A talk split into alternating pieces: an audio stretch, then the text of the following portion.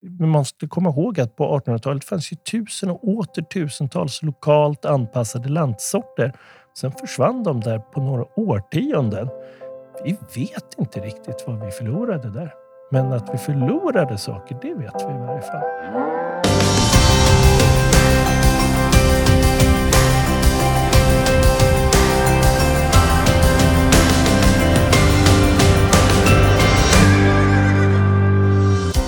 Bagares och konsumenters ökade intresse för gamla spannmålssorter har gjort att fler bönder börjat odla dem. Kanske kan lantsorterna bli en lönsam nischgröda.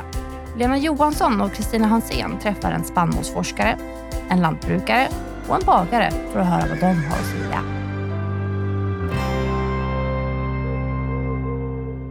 Välkommen till Lantbrukspodden Matti Viking Leino. Kan du berätta vem du är? Ja, jag är agronom eh, och jag har disputerat i växtförädling och jobbat med växtgenetik. Men framför allt så har jag jobbat med historiska frågor som handlar om lantbruksväxter och trädgårdsväxter. Jag har varit på Nordiska museet i många år och just nu så är jag forskare på Stockholms universitet. Och vad gör du som forskare på Stockholms universitet? Jag tittar på kulturväxter från 1600-talet. Den period då vi senast hade en stor klimatförändring i Sverige och se hur växterna påverkades av när det blev drastiskt mycket kallare i början av 1600-talet. Jag kom i kontakt med dig via din bok som du skrev för ett par år sedan som heter Spannmål, svenska lantsorter.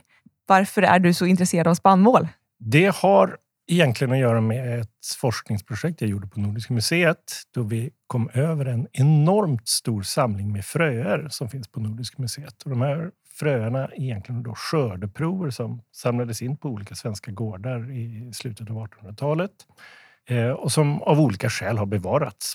Eh, och så kom jag i kontakt med museet för ja, det är snart 15 år sedan där de frågade mig är du intresserad av att göra någonting med de här fröerna. Och då var jag just nybakad växtgenetiker och då sa jag ja, det vill jag absolut göra.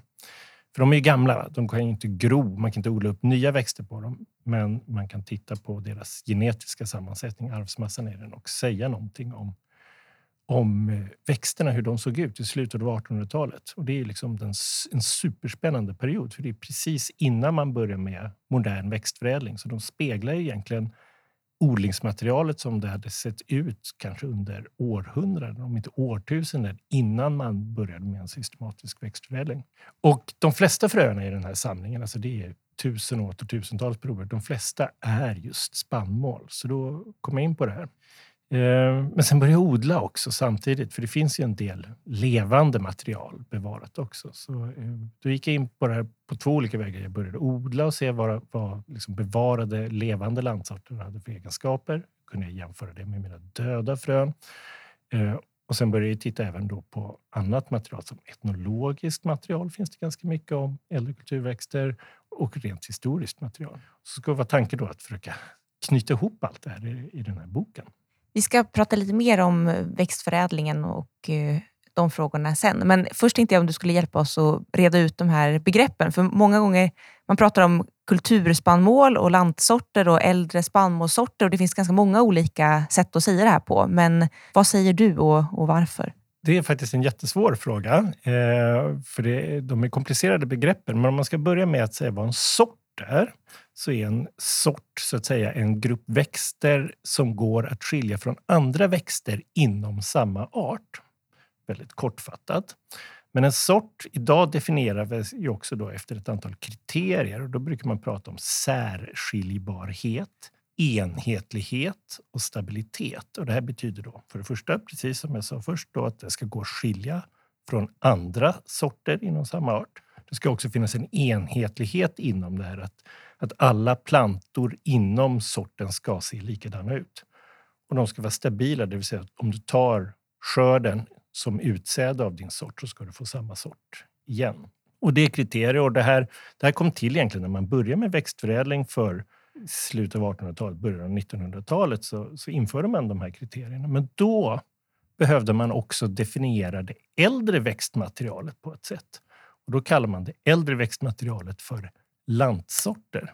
Och de var kanske inte fullt lika särskiljbara från varandra. Det där är lite svårt att få grepp om egentligen. Men ganska ofta så hade nog lantbrukarna rätt bra koll på ändå. Liksom, att den här sorten är ändå inte som den där sorten och så vidare. De var definitivt inte enhetliga. Alltså en, en lantsort innehåller ofta en ganska stor variation. Vilket ju var intressant för en äldre tiders lantbrukare där, där man gärna ville ha lite variation inom sitt sortmaterial beroende på årsmån helt enkelt. Att det kanske var vissa varianter inom sorten som fungerar bättre vissa år och andra fungerade bättre andra år. Så att säga. Det gav ofta en låg skörd, men en säker skörd. Och stabiliteten, ja, den, den, den var ju dynamisk. Den förändrades. För vissa år så gynnades vissa delar av sorten och andra år gynnades andra delar av sorten. Så det är lantsort. Och sen finns det moderna definitioner av lantsort också. Då brukar man ofta prata om att det ska finnas en historisk kontinuitet. Att sorten odlats länge på samma ställe. Eh, man pratar också om variabiliteten inom sorten som, som definition på det. Och såklart att det inte är en sort som har framställts genom modern systematisk växtförädling. Eh, och sen kommer vi till kultursort då, som är det absolut bökigaste begreppet som har blivit väldigt trendigt, som man, man, man hör väldigt mycket om. Då, då. Eh, och jag som forskare har väldigt svårt för det här begreppet, för det är mycket svårare att definiera än både sort och lantsort. Men som jag förstår kultursort så menar man lantsorter och äldre sorter, men med äldre utan någon särskild tidsgräns. Så det kan vara alltså både förädlade sorter och lantsorter. Man menar också arter som kanske inte har växtförädlats så mycket. Typiskt är då spältvete eller emmervete eller så. Men man ska komma ihåg att det finns såklart både lantsorter och förädlade sorter av spältvete. Och så menar man också en slags nyframställda lantsorter, det som ofta kallas då för evolutionära sorter, där man har tagit många olika sorter och så har man blandat ihop dem och så har man odlat dem på ett fält och sen eh, låtit dem anpassa sig till platsens förutsättningar och urval helt enkelt. Så det här kan innebära en himla massa saker. Men just det där att det inte riktigt finns någon tidsgräns gör det väldigt svårt att säga vad är kultursorter egentligen? Däremot så är alltså, begreppet är ju fastslaget. Du, du ser det ju precis överallt. Men just för att det inte finns någon precis definition så är det svårt att säga att kultursorter har de här egenskaperna eller inte. Och jag tror det här, det här uppkom ju någon gång på 70-80-talet egentligen. Början, inte i Sverige, utan man började i England och Tyskland framför allt. Och av två helt olika skäl. I Tyskland så, så var det den starka biodynamiska rörelsen som började prata om det här. Och de var intresserade av den här mångfaldsaspekten. De ville ha ett annat typ av odlingsmaterial som kanske passade i biodynamisk och ekologisk odling. I England gick man från ett helt annat håll. Där var det liksom kulturarvsaspekten man pratade om, heritage varieties och så vidare. Och I Sverige tror jag man också går från de här två hållen. Så det finns de som är intresserade av, av ett annorlunda växtmaterial för, för att passa i en annorlunda odlingsform. Men det finns också de som är mer intresserade av kulturarvsaspekten i det hela. Så vilket begrepp använder du själv då? Jag håller mig till sorter eller lantsorter eller äldre sorter eh, eftersom jag, jag som forskare måste kunna definiera vad jag menar. Så jag undviker kultursorter. Men de här äldre spannmålssorterna jämfört med dagens sorter, hur skiljer de sig? Det är, alltså, om man pratar lantsorter så är ju den mest påtagliga skillnaden är ju deras variabilitet. Att individerna inom sorten är som olika varandra. Medan idag så är samtliga individer inom en sort precis varandra lika. I varje fall när det gäller de självbefruktande spannmålsslagen, vete, korn och havre. Med råg förhåller det sig lite annorlunda. Där finns ju fortfarande en hyfsad variation även i moderna sorter.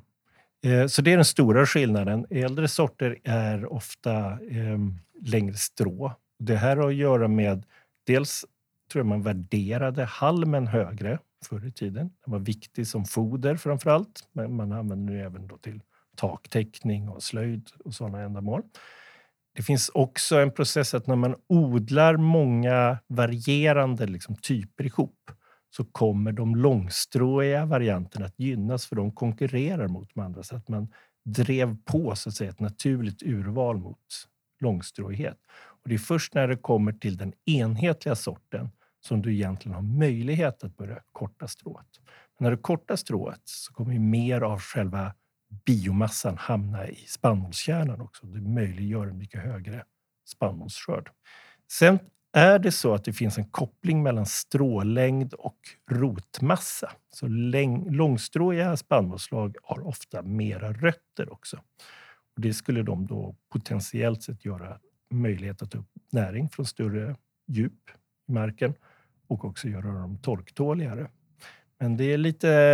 Det finns liksom inga riktigt starka försök på det här. Jag vet att det är många forskargrupper som är på det, men jag har inte sett något så här riktigt ordentliga vetenskapliga försök på att äldre sorter verkligen är torktåligare. Jag åkte till Varbro Kvarn i sörmländska Sköldinge för att träffa lantbrukaren Thomas Björklund. Han har tillsammans med sin fru Kerstin odlat och förädlat lantsorter sedan tidigt 2000-tal och de har utökat i takt med växande efterfrågan. I kvarnen mals och förpackas mjöl från bland annat emmer och enkorn. Och kvarnen tar även emot spannmål från 15 till 20 kontraktsodlare. Vi började med att titta på en av rågåkrarna. Nu har det i alla fall slutat regna. Det regnade ganska mycket när jag, när jag anlände. Men då går vi mot eh, det här rågfältet då som du eh, visade i början. Ja, här på gården så odlar vi nu det som vi kallar för vår Varbergråg som är den här hybriden mellan en äldre och en yngre rågsort. Vad är det som gör den rågsorten speciell då? Alltså den rågsorten är då en, en korsning mellan en lantrågsort som heter Litauen och kommer ifrån Litauen och Amillo eh, som är en, en modernare sort men den kanske inte används så mycket numera. Och det var lite intressant. Vi, vi bara blandade ihop då de här två olika sorterna och sådde ut dem. Och det första året så såg man att det var som två olika nivåer i, i rågen. Dels den äldre, äldre lantrågsorten och dels den nyare Amillo. Så det var som alltså två olika plan nästan då man gick ut i fälterna. I höjd alltså? I höjd, ja precis. Eh, sen så befruktades ju de, det, rågen ryker så att då, liksom, då spreds ju pollenen och de beblandade sig med varandra och sen så nästa år så var det inte två olika nivåer utan då var det liksom bara ett, en sort och då blev den väldigt lång och kraftig och Eh, den har ju otrolig livskraft. Och förra året så hade vi upp till 2,50 i höjd på, på rågen.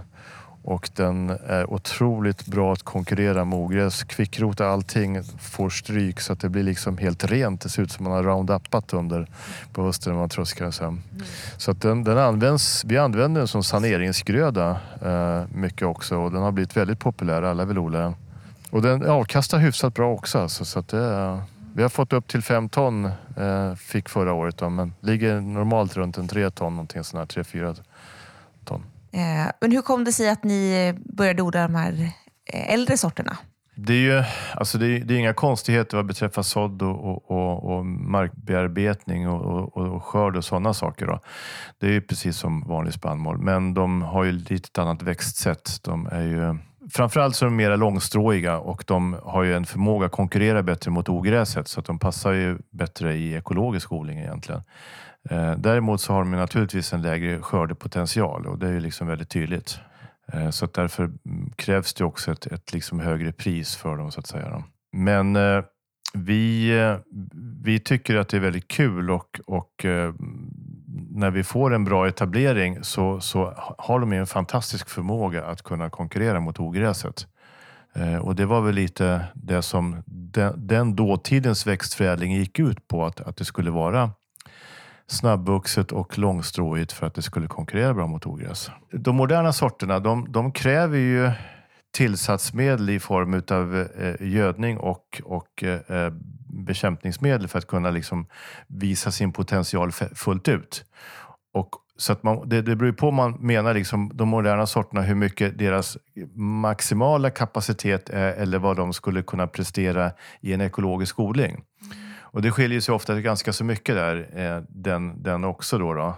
Eh, och sen så, men ekologisk odling är ju också, man kan ju ha en, en, väldigt bra ekologisk odling som ligger ganska så nära eller kanske på 50-75 procent av den, den, den, avkastningspotentialen som, som eh, ett konventionellt mm, lantbruk med alla tillsatsmedel ger. Men man kan ju också ha ett, ett mer extensivt odlande och, och då skulle jag säga att, att, att, den, att det skiljer sig minst hälften, kanske mera, i, i, i uh, skördepotential. Liksom.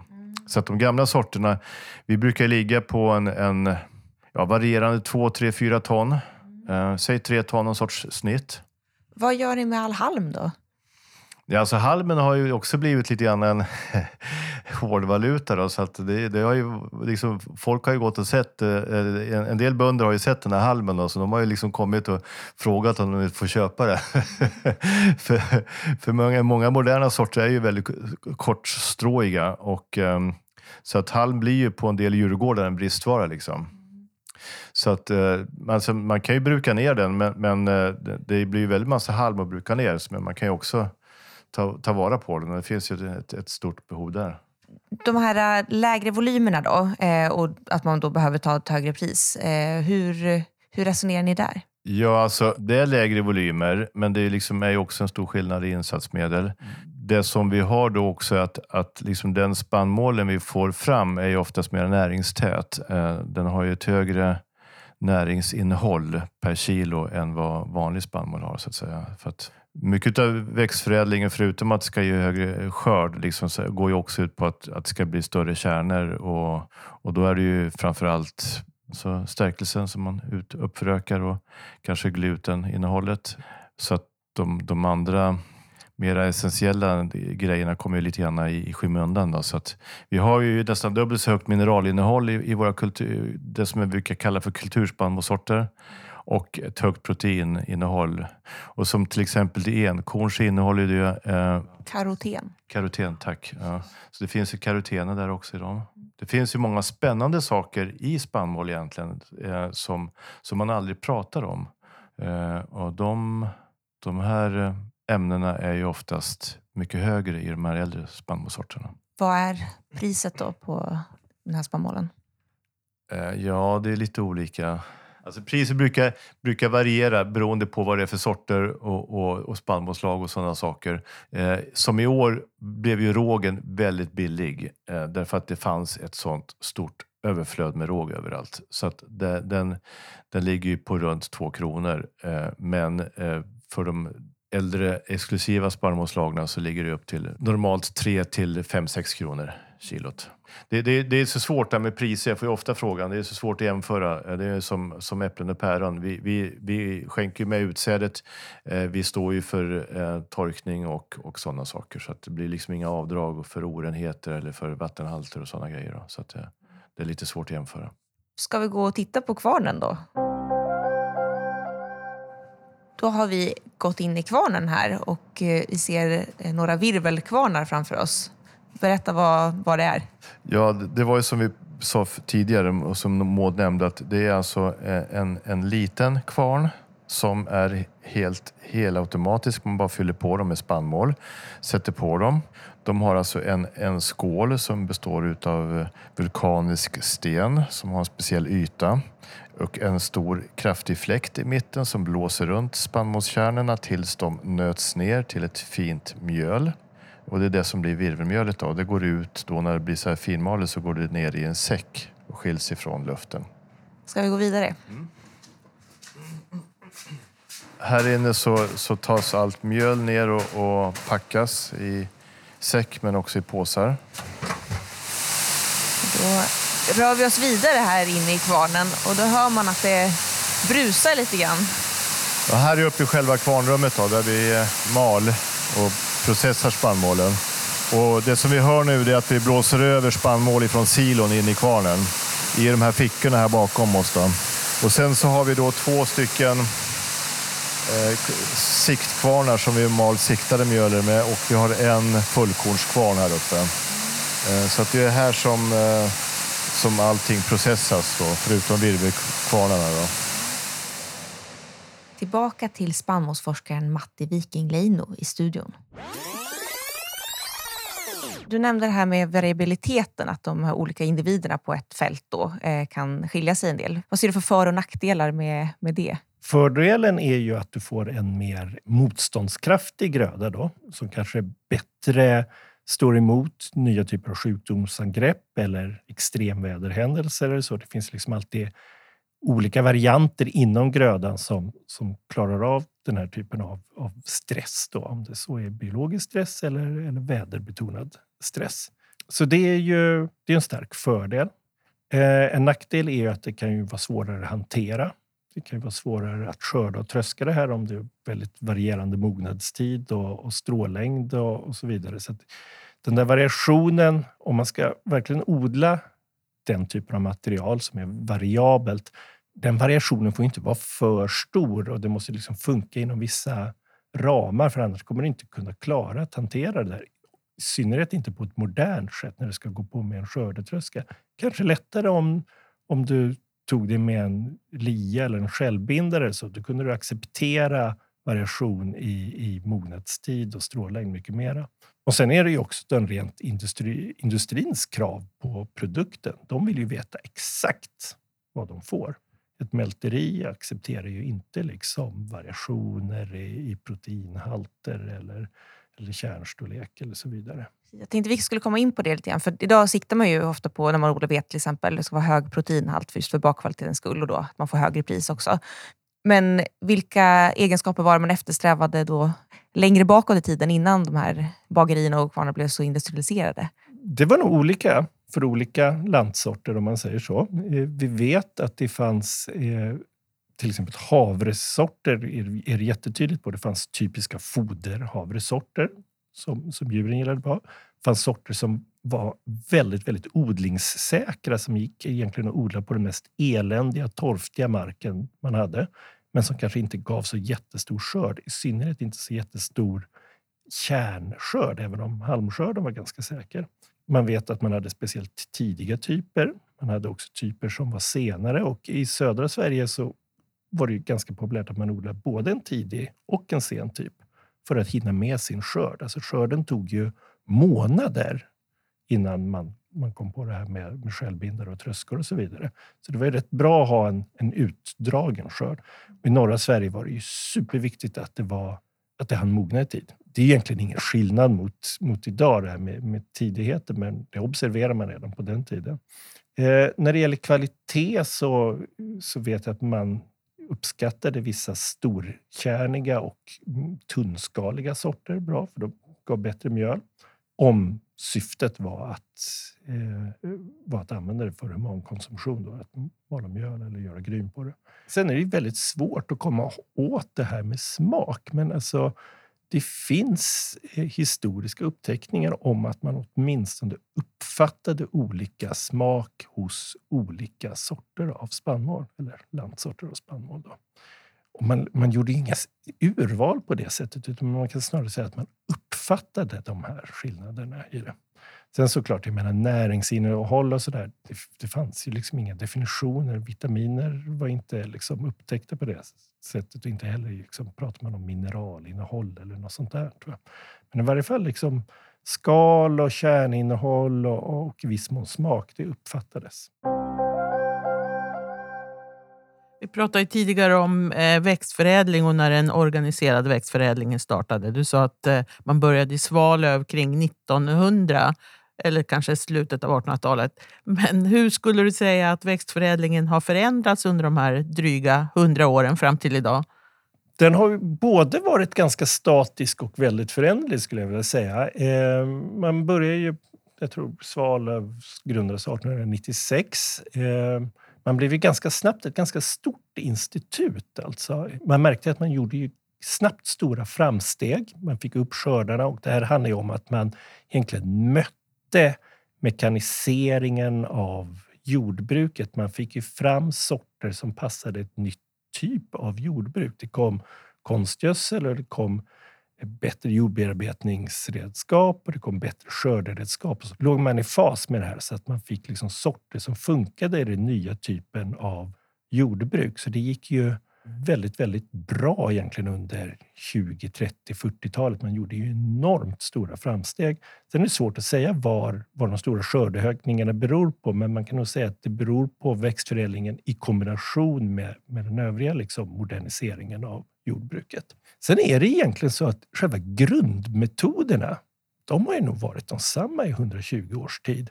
Man gör en korsning av två föräldrar och sen gör man urval av den bästa avkomman av den här och så ska den, det bästa förökas upp. Då. Den grundprincipen den är egentligen oförändrad och har varit så under 20 år. Sen har man ju bättre verktyg idag. Man, man kan liksom testa mycket, mycket mer avkommeplantor för man har ju olika former av digitaliserade system för att hantera det här. Då. Man kan liksom göra kodade fröpåsar och digitala avläsningar och så liksom med precisionszoommaskiner så man kan få upp skalan i det. Man kan i viss mån också använda molekylärgenetiska verktyg liksom för, att, för att göra sitt urval. Det kan ju vara så att man vill ha en en vetesort som är resistent mot gulrost. Men det är svårt att göra det urvalet om det inte finns någon gulrost i fältet alls. Då kan man hitta liksom molekylära verktyg som säger att ah, den plantan och den plantan har den här egenskapen. För man vet liksom hur DNA-sekvensen för det här ser ut. Det kommer och det, och det hjälper till urvalet egentligen. Så att skalan och effektiviteten är bättre, men grundprincipen är detsamma. Eh, och sen är det ju så att den svenska växtförädlingen försörjde ju egentligen Sverige med allt utsäde fram till någon gång 1990. Alla lantbruksväxter, ganska mycket köksväxter. Eh, och sen förändrades allt det här under 90-talet. Eh, man började pröva och importera utsäde från andra förädlingsföretag i andra delar av Europa och Norden. Och den svenska växtförädlingen krympte till färre och färre arter för man kunde bara konkurrera med ett fåtal arter. Och idag är vi ju nere på, eh, på nästan ingen art alls. Ja, man har väl veteförädling fortfarande och viss vallväxtförädling. Hur står de äldre sorterna sig i ett eh, modernt lantbruk då? Ehm, det funkar ju uppenbarligen. Alltså det finns ganska mycket odlingar i Sverige idag inte så enormt imponerande hektarmässigt, men det finns ändå ett antal företag som gör det här. Vad man är tvingade till är att göra ett visst urval. Alltså om du tar en ren, riktig lantsort så funkar det inte i ett modernt lantbruk. De är för variabla, så man har tvingats göra vissa urval, selektioner i dem för att öka på enhetligheten. Men har man gjort det så funkar det egentligen ganska bra, måste jag säga. Eh, det kommer bakslag, till exempel sjukdomsresistens kan bli problem. Så det, det kanske man ska vara beredd på. Men annars, annars funkar det förvånansvärt bra. Man får ju vara lite eh, anpassa sitt system lite med gödslingen kanske också. Då, då. Och är de väldigt långstråiga får man nog ligga lite lägre med, med gödslingen för att de är inte riktigt lika stråstarka som moderna sorter. Men annars hyfsat bra. Ehm, sen själva produkten kräver ju också sin speciella hantering. Alltså det, jag brukar säga så här, det är väldigt svårt att baka ett modernt industribröd på en gammal sort. Ehm, det är väldigt svårt att, eh, att ha gamla bakmetoder på en modern sort också. Det går också hand i hand. Alltså det, man måste anpassa hela vägen så att säga. Vad tycker du att man har vunnit på att använda de här nya sorterna som man har förädlat fram under 1900-talet? Det är ju definitivt så att de har högre skördepotential. Åtminstone i ett modernt jordbrukssystem med modern jordbruksteknik. Det, det är tveklöst så. Eh, det finns helt klart också resistensvinster gjorda. Åtminstone för vissa sjukdomar så är det ju att man, man har lyckats hålla de här sjukdomsfria med hjälp av framförädlad resistens. Så det, det är tveklöst så. Eh, och sen, sen finns det ju då anpassningar för att, för att möta liksom industrins krav också. Man, man, har ju tagit fram sorter som, som funkar bättre vid industriell hantering. Må vara på mälteriet eller i, eller i bageriet eller kvarnen av bageriet så att säga. Vad tycker du att man gick miste om då när man övergav de här äldre sorterna en gång i tiden? Alltså, jag tror inte riktigt vi vet vad vi har tappat. För man måste komma ihåg att på 1800-talet fanns ju tusen och åter tusentals lokalt anpassade lantsorter. Sen försvann de där på några årtionden. Vi vet inte riktigt vad vi förlorade där. Men att vi förlorade saker, det vet vi i varje fall. Vilka egenskaper tror du att framtidens spannmål kommer att behöva då? Jag tycker det viktigaste med framtidens spannmål är att man inte lägger alla ägg i en korg så att vi inte gör om samma misstag och odlar en och samma spannmålssort i hela Sverige och sen visar det sig den vara mottaglig mot en sjukdom eller utvintra eller något sånt där. Så jag skulle gärna se en kombination av både lantsorter och äldre sorter och helt moderna sorter på svenska åkrar. Det tror jag är bra. Jag vill gärna ha många sorter som inte är så lika varandra. För det kommer också öka möjligheten att, eh, att stå emot olika typer av extremhändelser. Sjukdomar eller väderhändelser. Vad tror du behövs då för att vi ska kunna nå det här, den här målbilden? Alltså man kan ju gå två olika vägar, säger jag.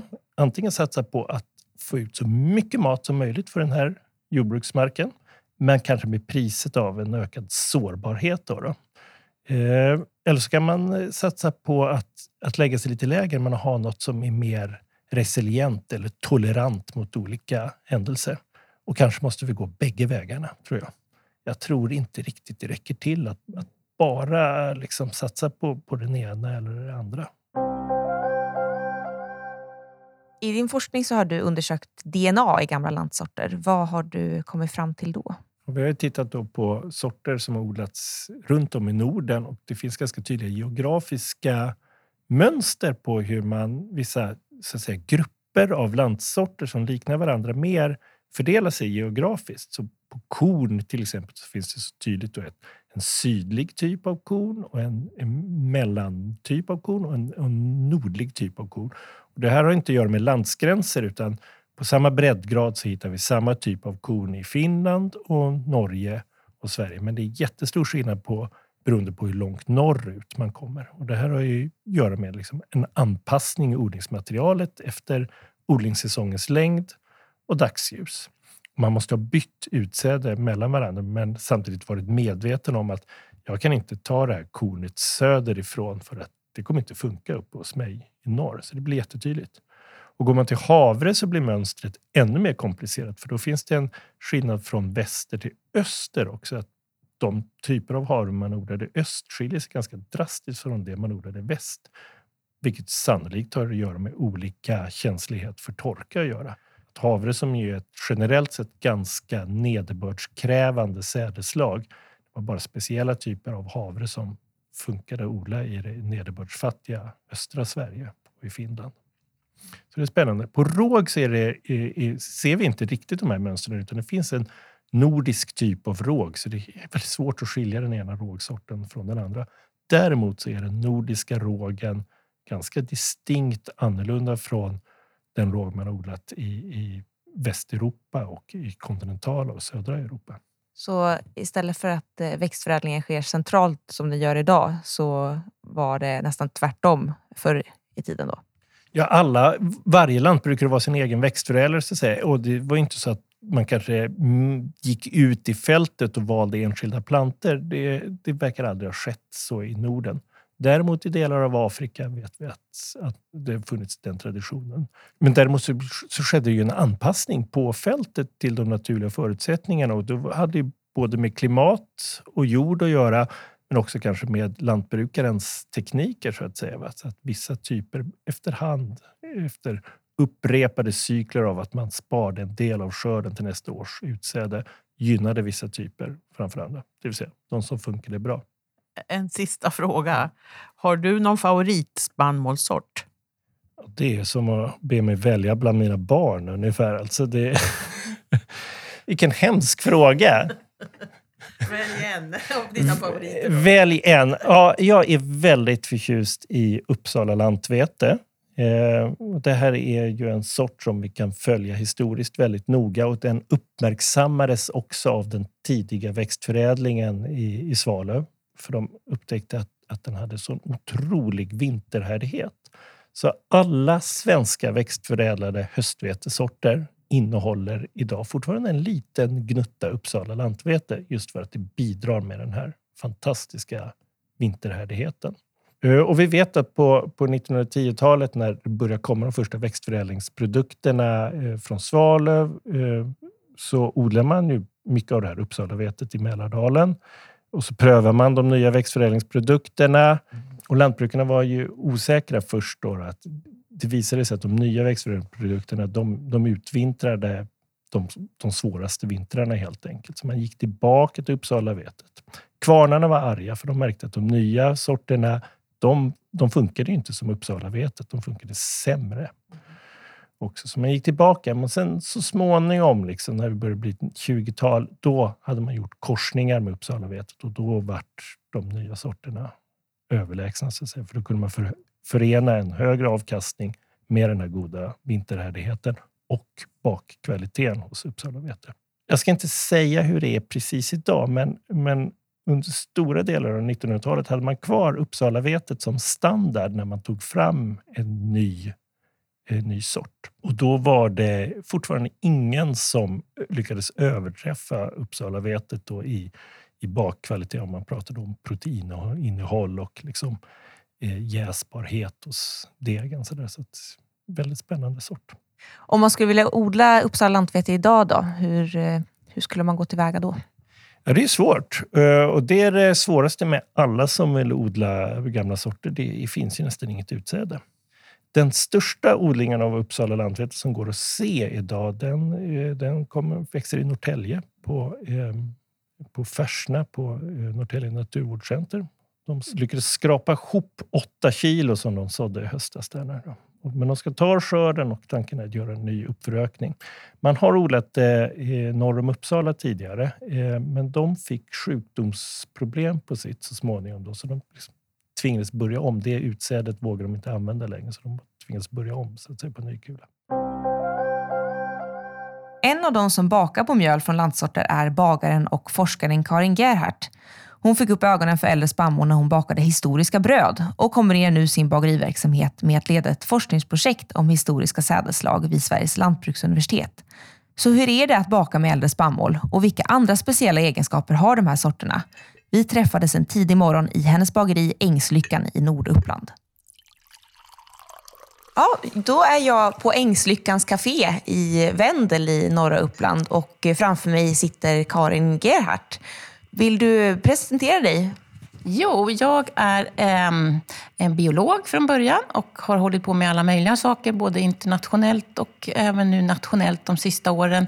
Eh, och jag är också bagare, kan man säga, eller mathantverkare. Och har intresserat mig för historiska spannmål och historiska bröd. Vad är det för bröd som du bakar då?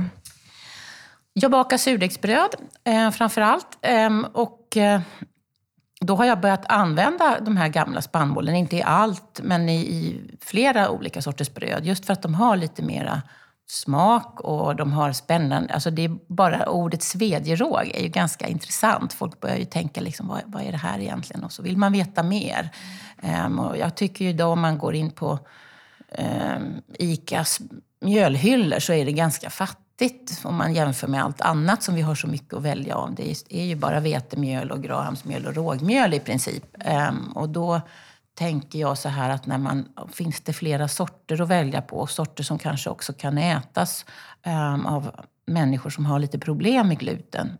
Det är nämligen så att de här riktigt gamla sorterna, emmer och enkorn, de har mycket svagare glutennät. Så att uh, folk som har irritable IBS-symptom då, um, och som har lite problem med gluten kan oftast äta de här det här med att vissa av plantorna på samma fält inte alltid mognar samtidigt. Hur skulle du säga att det påverkar spannmålens bakkvalitet? Ja, det är ju inte så lätt alltid. Men, men jag vet inte om det här är generellt eh, överallt, på alla sorter. Jag tror att de som odlar lite, för Ölandsvetet och en del av de här landsorterna, de har inte så stora skillnader som, som man kan se just här. Så att jag tror att när, och det finns några producenter som Varbro Kvarn och Västgötarna och Salto Kvarn som har lite större arealer och som har bönder som odlar åt dem. Och jag tror ändå att där har man kommit runt det här lite grann genom att man har, det är lite mer selekterat så att man får ungefär moget samtidigt. Men det är spännande det här med stråna till exempel, de här borsten. Det visar sig, det finns ju gamla vetesorter med borst. Och det är ganska bra idag därför att vildsvinen gillar inte det. De gillar vanliga vete.